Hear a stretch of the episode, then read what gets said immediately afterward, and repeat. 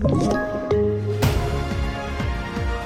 Det här är TV4-nyheterna. Nu har två tredjedelar av alla NATO-länder godkänt Sveriges ansökan om medlemskap i försvarsalliansen, meddelar Sveriges utrikesminister Ann Linde.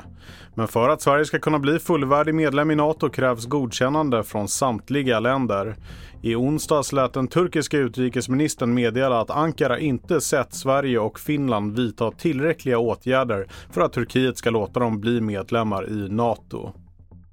Och tidigare under dagen greps en svensk man på Köpenhamns flygplats Kastrup efter att ha skämtat om att han haft en bomb i sin väska vid incheckningen. Nu bekräftar handbollsförbundet att mannen är ledare för handbollsdamernas U18-landslag. Skämtet ledde till att terminal 2 på Kastrup fick spärras av. Så här säger landslagsansvarige Hanna Fogelström till TV4 Nyheterna. Eh, vi har försökt nå personen eh, i frågan eh, och har säkerligen av förklarliga skäl inte eh, kunnat få kontakt med personen. Eh, vi har stängt av personen från samtliga uppdrag i förbundet tills vidare. Och minst 15 personer har omkommit i de svåra översvämningarna som drabbat delstaten Kentucky i USA. Och delstatens guvernör tror att den siffran kommer mer än dubbleras.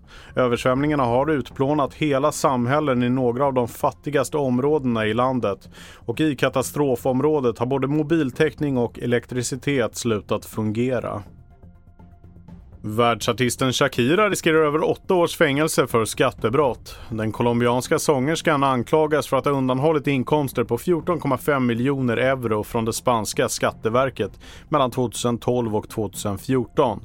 Shakira tackade under fredagen nej till en uppgörelse utanför domstol eftersom hon vill bevisa sin oskuld. Jag heter Felix Bovendal och mer nyheter hittar du på tv4.se och i appen.